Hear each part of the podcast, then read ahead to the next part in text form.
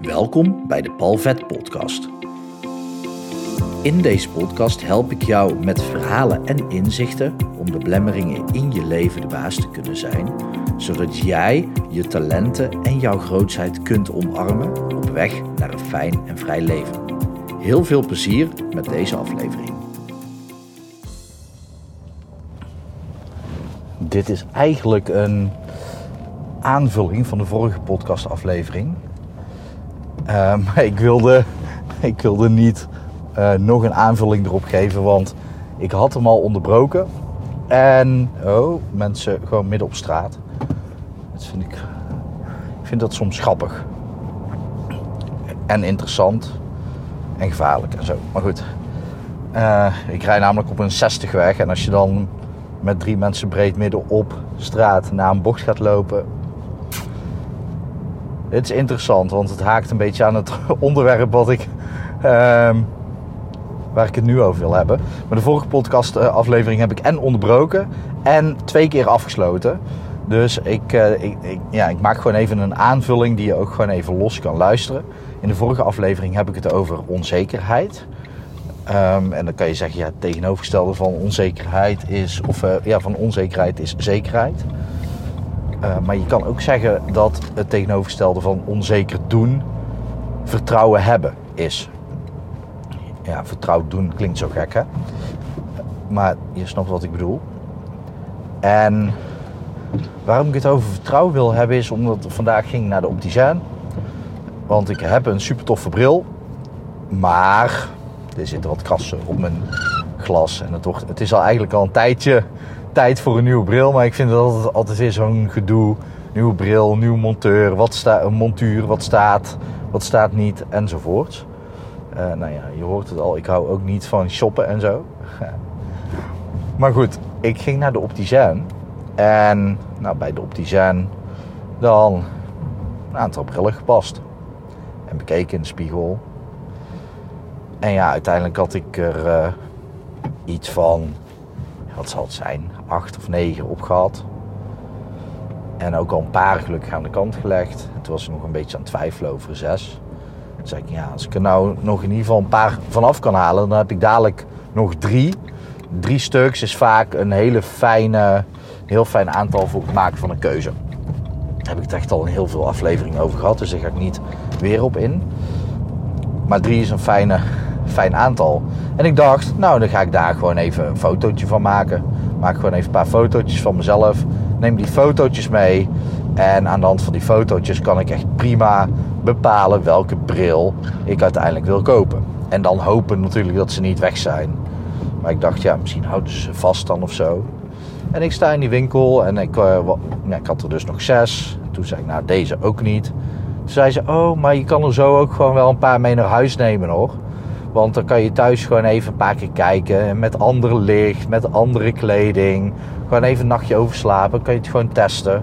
En uh, ja, we hebben van die bakjes en dan kunnen er vier in. Dus als je er ja, vier keuzes overhoudt, dan, dan kun je gewoon kiezen.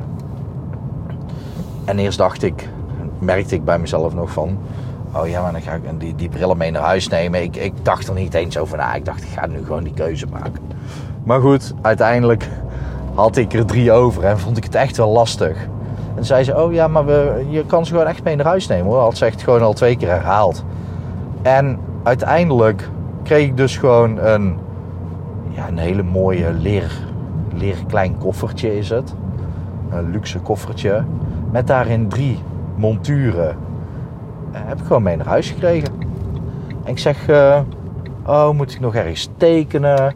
Of um, moet je mijn gegevens nog hebben? Oh nee, we kennen je volgens mij wel hier toch? Je komt hier vaker toch?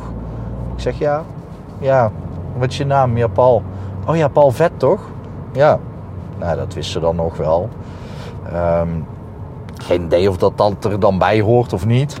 Maar zei nee, neem gerust mee. En, uh, en mochten ze er echt niet tussen zitten, kom gerust terug. Dan krijg je gewoon weer anderen mee.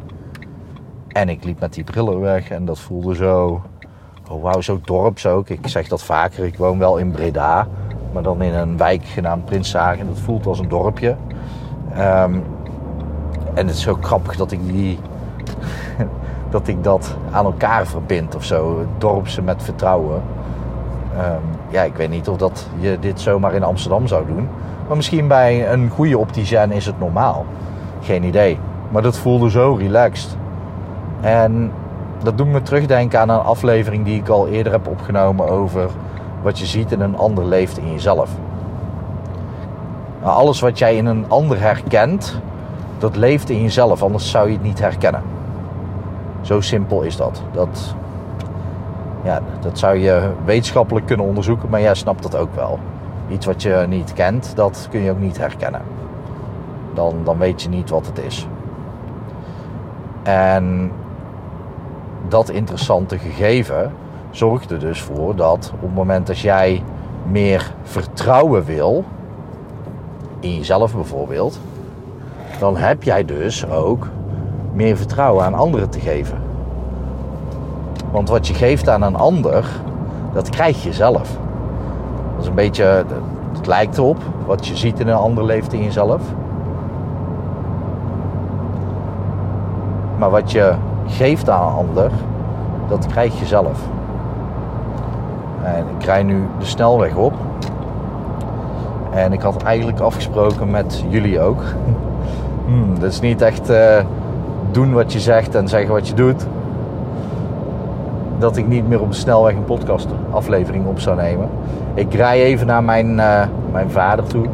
Mijn ouders zeg ik altijd. Um, alleen in Breda zijn ze echt heel veel wegen aan het ombouwen. Aan het verbouwen, aan het omleggen, aan het renoveren. Dus dat betekent dat ik even ja, via de snelweg moet. Ik vind dat soms gek als ik in Breda blijf. Want ondanks dat ik Prinshagen dorp noem, is Breda natuurlijk ook gewoon klein. Het is, het is een stad, maar toch, het voelt zo dorps. Maar goed, dat terzijde. Dus wat je aan een ander geeft, dat krijg je zelf.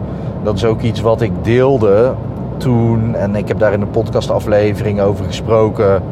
Uh, over onze vrijgezellenavontuur. De vrijgezellenparty, wat een vrijgezellendag was. Vol met klimmen. Gezellig klimmen met z'n allen.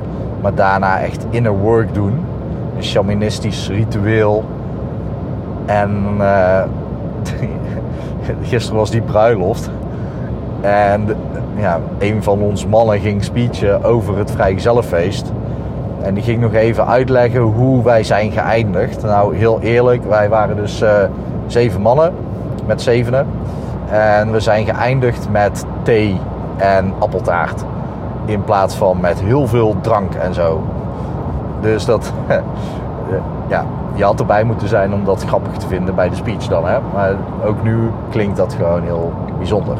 Maar wij hebben daar een soul retrieval gedaan. En we hebben daar dus een intentie uitgesproken wat wij wilden terughalen naar onze ziel. Ja, dat klinkt een beetje zweverig en spiritueel. Het was een vette ervaring, shamanistisch ritueel. Maar helemaal na alle ceremonies, want we kwamen alle zeven gewoon aan de beurt heb ik even vijf minuten genomen. Nou, maar allemaal vijf minuten voor onszelf. Om gewoon even te voelen van... Hé, hey, wat is er nou gebeurd? Wat vind ik hiervan? Wat gebeurt er nu? En toen kwam er inderdaad... Zag ik heel... Nou, twee dingen gebeurden. De gedachte was... Alles wat ik heb gegeven, heb ik ook ontvangen. Dus alles wat ik heb gegeven, heb ik ook ontvangen. Dus zoals er bijvoorbeeld een man die wilde uh, seksualiteit terughalen. En de ander wilde meer mannelijkheid naar zich halen. En de ander meer plezier en de ander meer acceptatie. Nou goed, dan zet jij de intentie, ik dus ook, de intentie gezet van oké, dat gaan we geven aan die persoon. Maar op het moment dat je het geeft, activeer je het in jezelf, dus heb je het ook ontvangen. En ik zag, ik zag dat dus in de vorm van zeven spiegels. Dus na, na alle rituelen, uh, helemaal ook alleen op thee en, uh, thee en trommels. Misschien is dat wel een, uh, een, mooie naam voor een retraite of zo. Een retreat. Ik vergeet altijd hoe je dat uit moet spreken. Thee en trommels. ik ga eens kijken of dat die website nog bestaat. Dat vind ik wel een mooie. Um, zou zomaar een sketch van de lama's kunnen zijn. Maar alles, alles wat ik heb gegeven heb ik ook ontvangen. En ik, ik zat dus met mijn ogen dicht en ik zag zeven spiegels. En in die spiegels zag ik dus niet mezelf, maar al die mannen. En dan ook met de intentie die zij hadden ingebracht. Dat was echt heel bijzonder om dat te ervaren. En daardoor, dat, nou ja, ik wist het al, maar het bevestigt wederom, alles wat je geeft, ontvang je ook. Dus geef je vertrouwen aan mensen, dan ontvang jij dat. Dan ontvang je dat. Dan geef je het aan jezelf natuurlijk ook. En dat is dus zoiets moois op het moment als, net zoals vandaag, dat ik bij een opticien ben en dat ik zoveel vertrouwen krijg. En ik weet ook dat ik te vertrouwen ben. Dus ik, het, het, het, was ook, het voelde ook heel normaal. Ik voelde me niet bezwaard erover of zo. Uh, maar toch vond ik het een mooi iets. En dat is het voordeel. Als jij dus ook vertrouwen kunt geven aan anderen, dan kun je dat ook nog eens veel makkelijker ontvangen. En als een van de twee gebeurt, dat je het of ontvangt, of voelt dus, eh, ontvangt van jezelf of geeft, dan weet je zeker dat het er zit. En als het er zit, dan kun je er ook meer van maken. Dat, dat is een mooi gegeven altijd. Dus uh, al, al zit er maar een klein stukje vertrouwen alleen maar in het topje van je pink, dan nog, als het er zit, kun je het krachtiger laten worden. En dat, uh, dat is een mooi iets. En dat is wat ik eigenlijk over vertrouwen wil delen. Vooral van, vanuit dat verhaal. En ja, op het moment dat jij het dus veel meer aan anderen kunt geven. En dat is echt een oefening hoor. Dat is ook uh, een stukje. Ja, je zou het kunnen noemen controle laten gaan. Maak niet graag gebruik van het woord loslaten. Mensen zeggen makkelijk controle loslaten. Uh, maar dat is een gek iets om heel veel verschillende redenen. Want als je het wil loslaten, dan betekent dat je het vasthoudt. Dus elke keer als je dat uitspreekt, ik wil iets loslaten, dan zeg je eigenlijk dat je het vasthoudt tegen je onbewuste. Dat is niet handig. En controle is eigenlijk het vasthouden van een wiel. En een wiel is er niet voor gemaakt om statisch op een auto te zitten. Die is gemaakt om te rollen. Dus eigenlijk is het woord controle. Dat ja, dat, dat is juist laten rollen. Let it go. Let it roll. Ja. Dus daar zitten wat uh, tegenstrijdigheden in. Oh. Flinke. Oh, kijk, nou. Ik denk ik parkeer even, maar um, er staat een heus springkussen in de straat. Dat is leuk. Nou goed, ik ben bij mijn ouders toch aangekomen en ik heb een parkeerplekje gevonden. Maar denk daar maar eens aan voor jezelf. Wanneer heb jij voor het laatst vertrouwen gedeeld aan iemand of gegeven aan iemand? En wat gebeurt er als je de, in jou, wat merk je als je dat meer doet? Merk je dan, als het goed is wel, dan merk je ook dat je meer uh, vertrouwen in jezelf zult gaan opmerken en waarnemen. Dat is een hele waardevolle oefening om uit te voeren. Nou, ik hoop dat het goed met je gaat. Ik hoop dat het goed gaat met dierbaren van je. En ik wens je nog een mooie dag toe.